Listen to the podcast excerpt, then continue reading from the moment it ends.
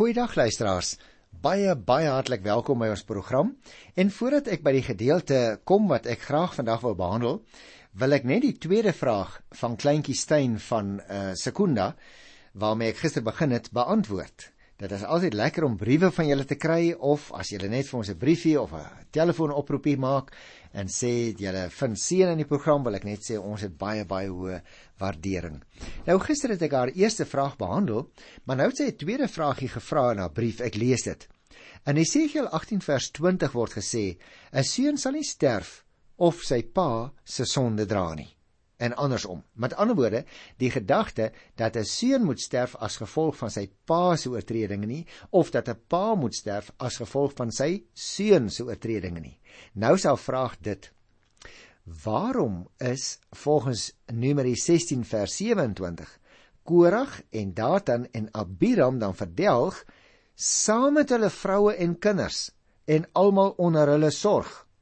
Was dit dan nie net die mans wat in opstand gekom het teen Moses en hulle nie. Jy sien, sy het dus uh baie mooi gelees in die Bybel nie waar nie. Miskien het sy al na een van ons programme geluister, juist toe ons hieroor gepraat het, dat uh die vrouens en die kinders, die familie van die drie manne wat in opstand gekom het, Korag, Datan en Abiram, ook nou saam met daardie drie manne gesterf het. Terwyl Esegiel dan sê, die een sal nie sterf vir die sonde en die oortreding van 'n ander een nie. Kom ek antwoord so. Ons moet natuurlik onthou in Numeri het ons te maak met 'n baie spesifieke situasie.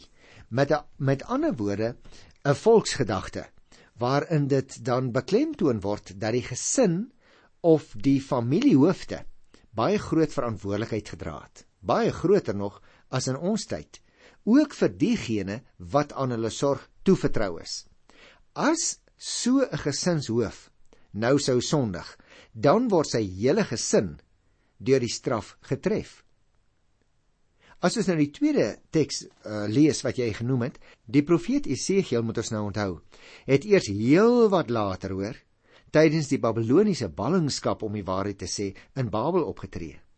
En hy bring nou interessante perspektiewe na vore wat nie so dikwels vroeg in die Ou Testament alreeds voorkom nie. Byvoorbeeld dat elke mens persoonlike verantwoordelikheid voor die Here dra. Jy sien nou word 'n bietjie weggestuur van die groep of die volksgedagte. Elke mens dra persoonlike verantwoordelikheid voor die Here. En dit bring ons dus nou al 'n hele en verder, meer as 600 jaar om die waarheid te sê in die geskiedenis as daardie geskiedenis wat vroeër in die woestyn afgespeel het. Gevolglik ook baie later in wat ons kan noem die voortgaande openbaring van die Here aan gelowiges.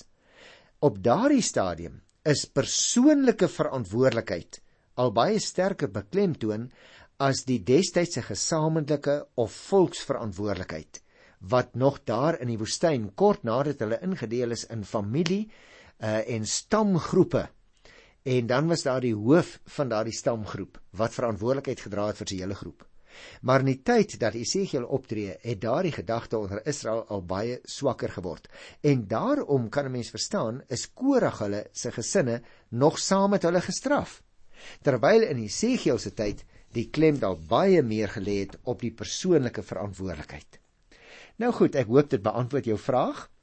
En daarmee wil ek graag uh, voortgaan. Ek wil jou dankie sê vir jou vraag en jou brief goeie wense daarin.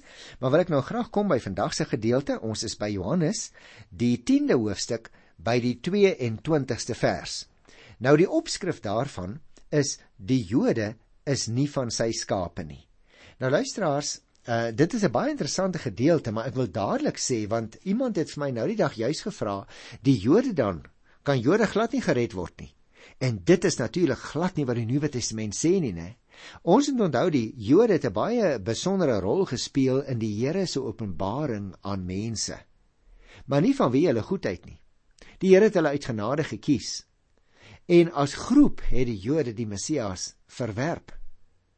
Dit is nou ook juis uh so baie goed aansluitend dat ons by hierdie gedeelte vandag na aanleiding van kleintjie Steyn se vraag.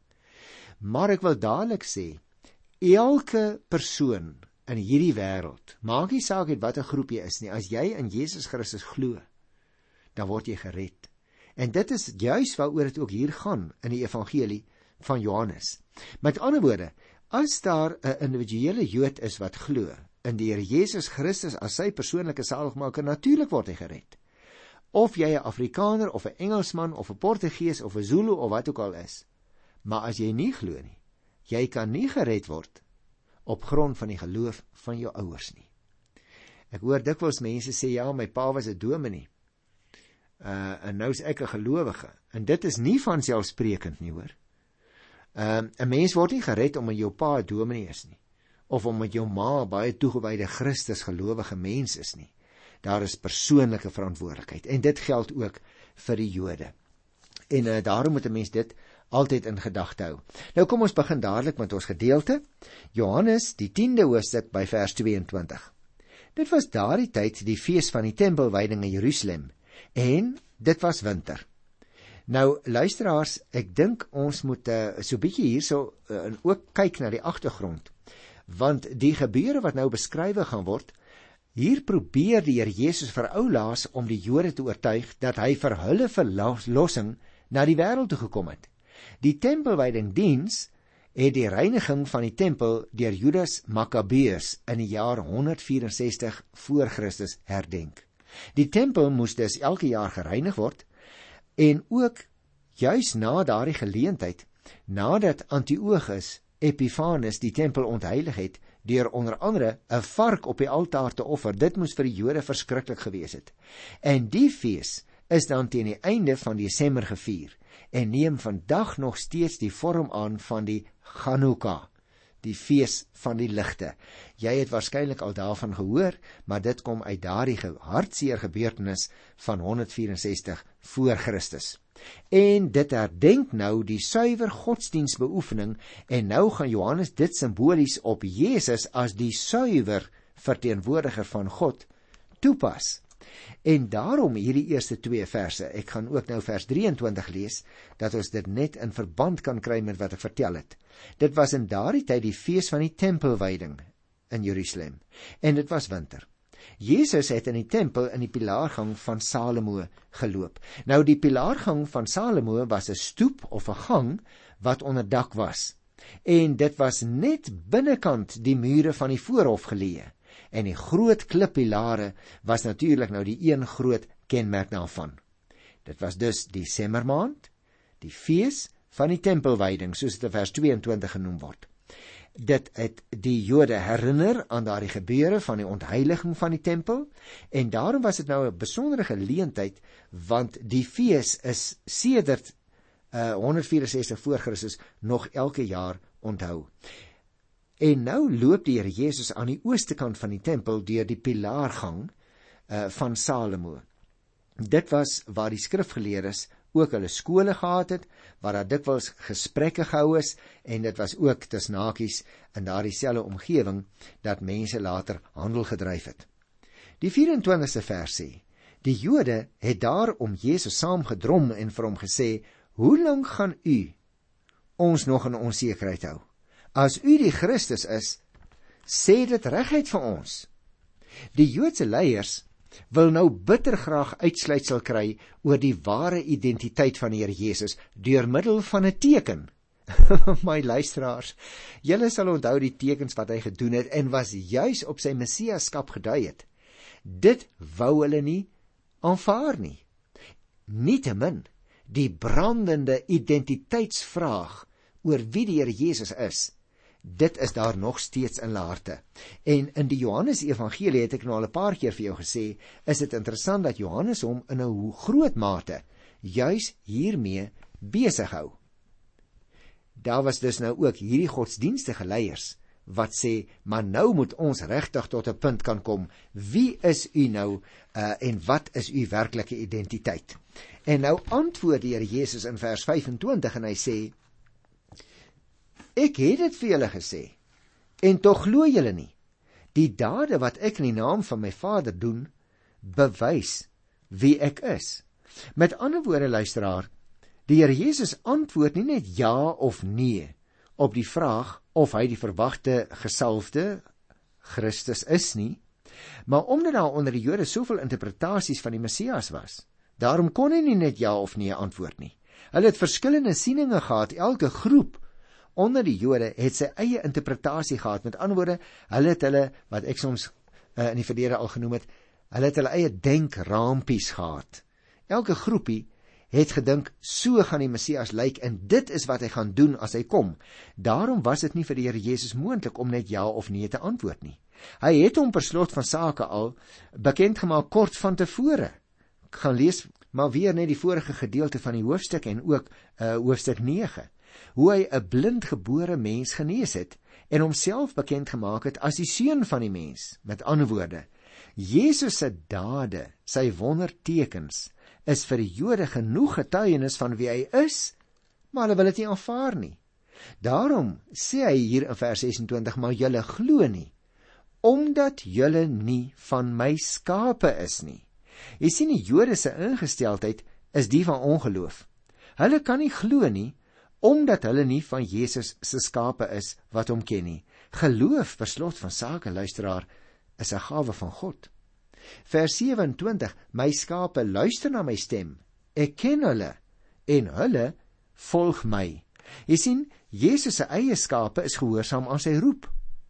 Jesus ken hulle en daarom volg sy skape ook sy stem wanneer hulle daardie stem wat vir hulle so bekend is en so dierbaar is hoor. Kom ons luister na vers 28 en 29. Ek gee hulle die ewige lewe en hulle sal in alle ewigheid nooit verlore gaan nie. Niemand sal hulle uit my hand ruk nie.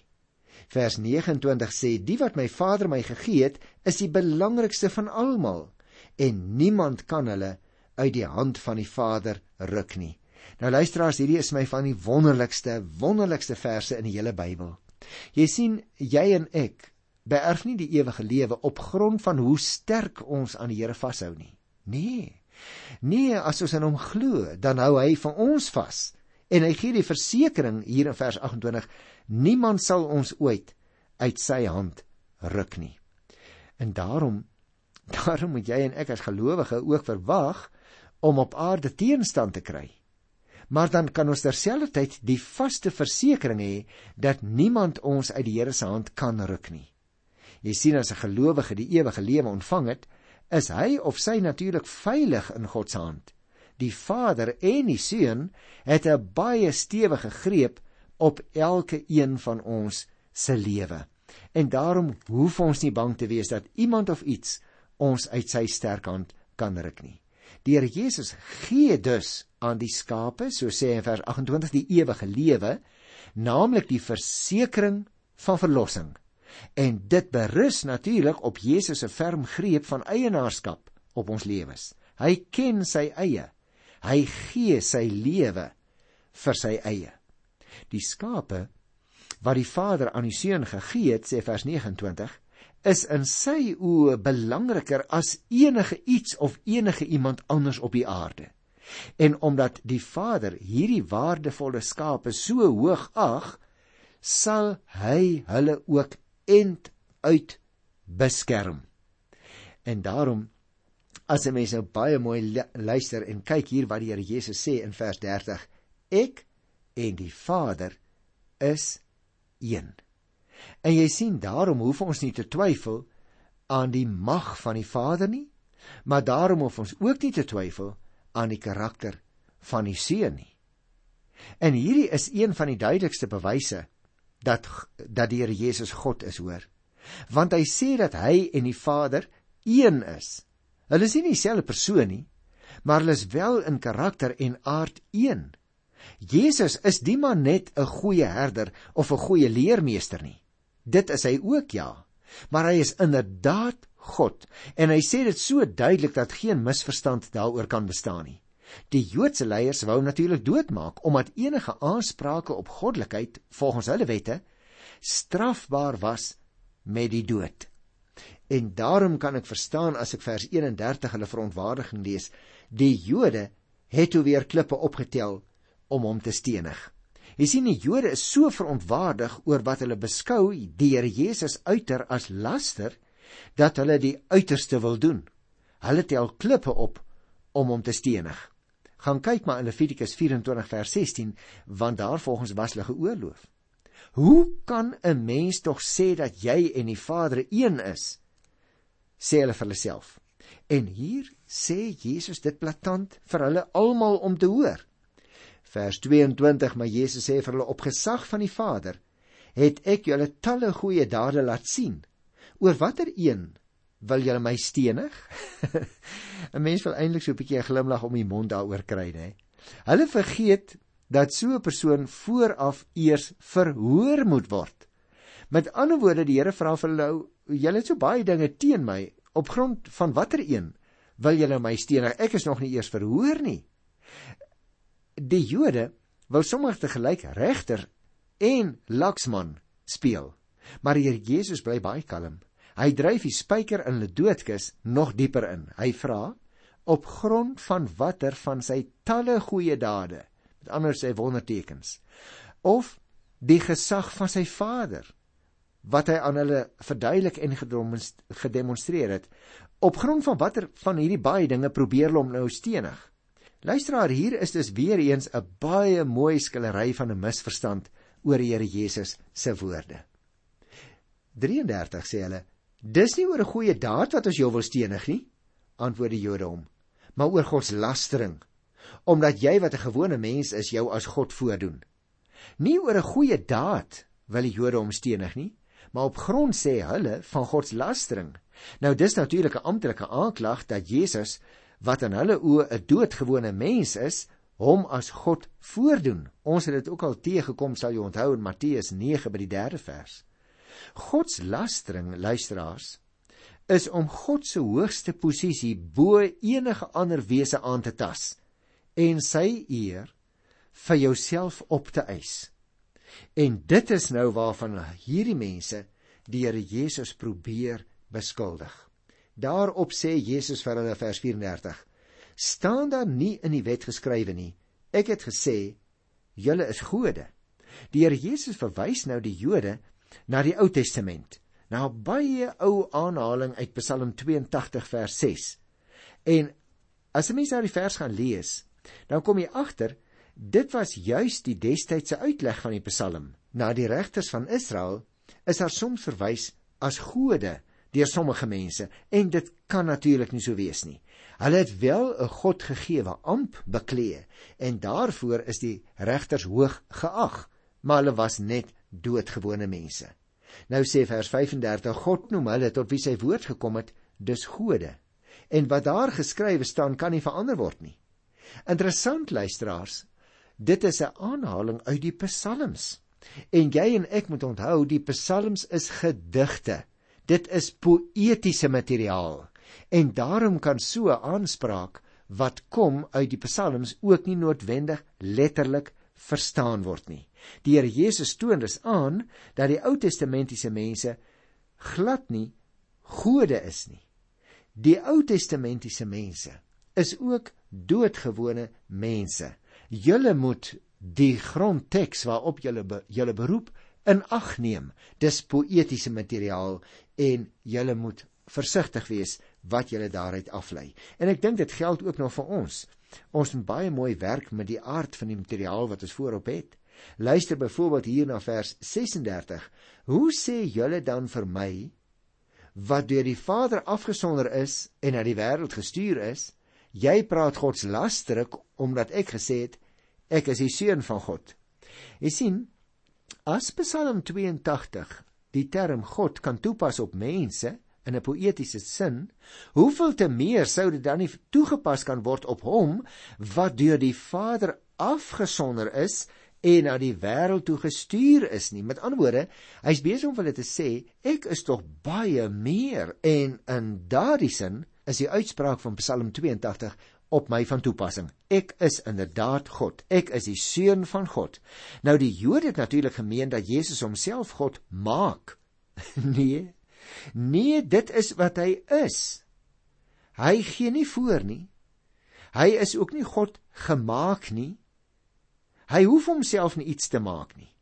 Die inisiatief gaan vir sy Vader uit en hy en die Seun is van alle ewigheid af God my menswording wil hy as dit ware vir hulle sê. Beteken nie ek het nou ontstaan nie. Ek het altyd bestaan in die ewigheid. Ek is God. Ek het net in mense gestalte verskyn. En daarom ek is die seun van God. Vers 37 gaan voort. As ek nie die werke van my Vader doen nie, moet julle nie in my glo nie. Maar as ek dit wel doen en julle tog nie in my glo nie, moet julle ten minste glo aan die werke, sodat julle kan insien en weet dat die Vader in my is en dat ek in die Vader is. Nou hier luisteraars het ons 'n baie goeie verdere verduideliking en uitspraak van Here Jesus. En daarom versoek hy die Jode nou om na sy werke, na die wondertekens te kyk en dit as maatstaf te gebruik. En as hulle hom nie aanvaar nie, moet hulle ten minste aan die werke glo.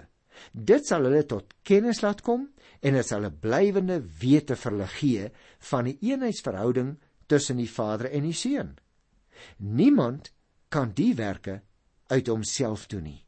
Die Here Jesus is dus gehoorsaam aan sy Vader en dit wil hulle nie aanvaar nie. Luister na vers 39. Hulle wou hom toe gevange neem, maar hy het hulle ontglip. Eers het hulle nou net probeer om hom te stenig. Maar sy argumente is logies so reguit dat hulle besef hulle is verkeerd. Nou wil hulle hom gevange neem. Jesus se vyande probeer hom met ander woorde nou arresteer, maar hulle misluk nog 'n keer. Want Jesus se tyd het nog nie gekom nie. Sy laaste appel aan die Jode het op doewe ore geval as gevolg van hulle geestelike blindheid. Kom ons lees daarvan van vers 40 af. Jesus het teruggegaan na die plek oor kan die Jordaan waar Johannes vroeër gedoop het en daar gebly. Baie mense het na toe gekom en hulle het gesê Johannes het wel geen wonderteken gedoen nie, maar alles wat Johannes oor hierdie man gesê het, is waar. Baie mense het daar tot geloof in hom gekom. Nou is dit interessant luisteraars, nou net nadat die Jode hom eers wou stenig, toe wou hulle hom gevange neem, nou gaan hy terug na die omgewing waar Johannes die Doper vroeër opgetree het. En daardie mense se gesindheid teenoor hom is heeltemal anders. Nadat Jesus dus sy laaste appel aan die Jode gerig het, dit op dowe ore geval het, gaan hy terug na hierdie omgewing wat genoem word Perea. In uitverkore Judea, waar die Joodse godsdienstige leiers gewoon het, wil die mense die Here Jesus stenig, maar in die heidense Perea is daar baie wat tot geloof in hom kom sien ons. As die resultaat van die Jode se vyandigheid het die Here Jesus eintlik na die oorkant, die ooste kant, dit wil sê, van die Jordaan toe gegaan, weg van Jerusalem af met ander woorde. Dit was dus aan die oorkant ook van Jerigo en dit was veiliger daar met die oog op arrestasie. Dis die omgewing waar Johannes die Doper gewerk het. En daar het Johannes volgens die mense geen wondertekens gedoen nie, maar net die waarheid aangaande Jesus verkondig. Johannes se woorde het waar gebleik te wees deur die bewys van die werke wat die Here Jesus doen. En in hierdie uitverkore Judea wou hulle die Here Jesus stenig, maar in die veragte Perea het baie mense staan daar tot geloof in hom gekom. Is dit nie ironies nie dat die mense wat hom moes ontvang hom nie wou erken vir wie hy as, was nie. Jy sal onthou luisteraar dat Johannes juis sy evangelie so begin het. Ek het reg in die begin by Johannes 1 vir jou 'n bietjie daarop gewys, want daar het ons gelees dat hy na sy eiendom toe gekom het in Johannes 1 by vers 11. En tog het sy eie mense hom nie aangeneem nie. Hy het gekom, so sê Johannes 1 vers 7, om te getuig. Dis Johannes die Doper. Hy moes getuig van die lig sodat almal deur hom tot geloof sou kom. Hy was nie self die lig nie, maar hy moes van die lig getuig. En daarom as ons nou hier aan die einde van uh, hierdie 10de hoofstuk kom, dan blyk dit dat die voorbereidende werk wat Johannes die Doper gedoen het, nou begin vrug dra het. Die toegewyde Jode in Jerusalem by die tempel wou hom nie aanvaar nie. Maar hierdie dood eenvoudige mense, hulle het nie soveel teologiese voorbehoude gehad nie. En hulle het geluister na die getuienis van Johannes die Doper en nou dra dit vrug. Nou glo die mense in Jesus want hulle het gehoor en sommige van hulle het ook gesien die wonderwerke wat hy doen. En daarom is jou en my getuienis, hoe eenvoudig ons ook al is en hoe eenvoudig ons getuienis ook al is, is ons getuienis kragtig in die hand van God. Laat jou getuienis klink. Dit kan ander mense help om tot geloof te kom.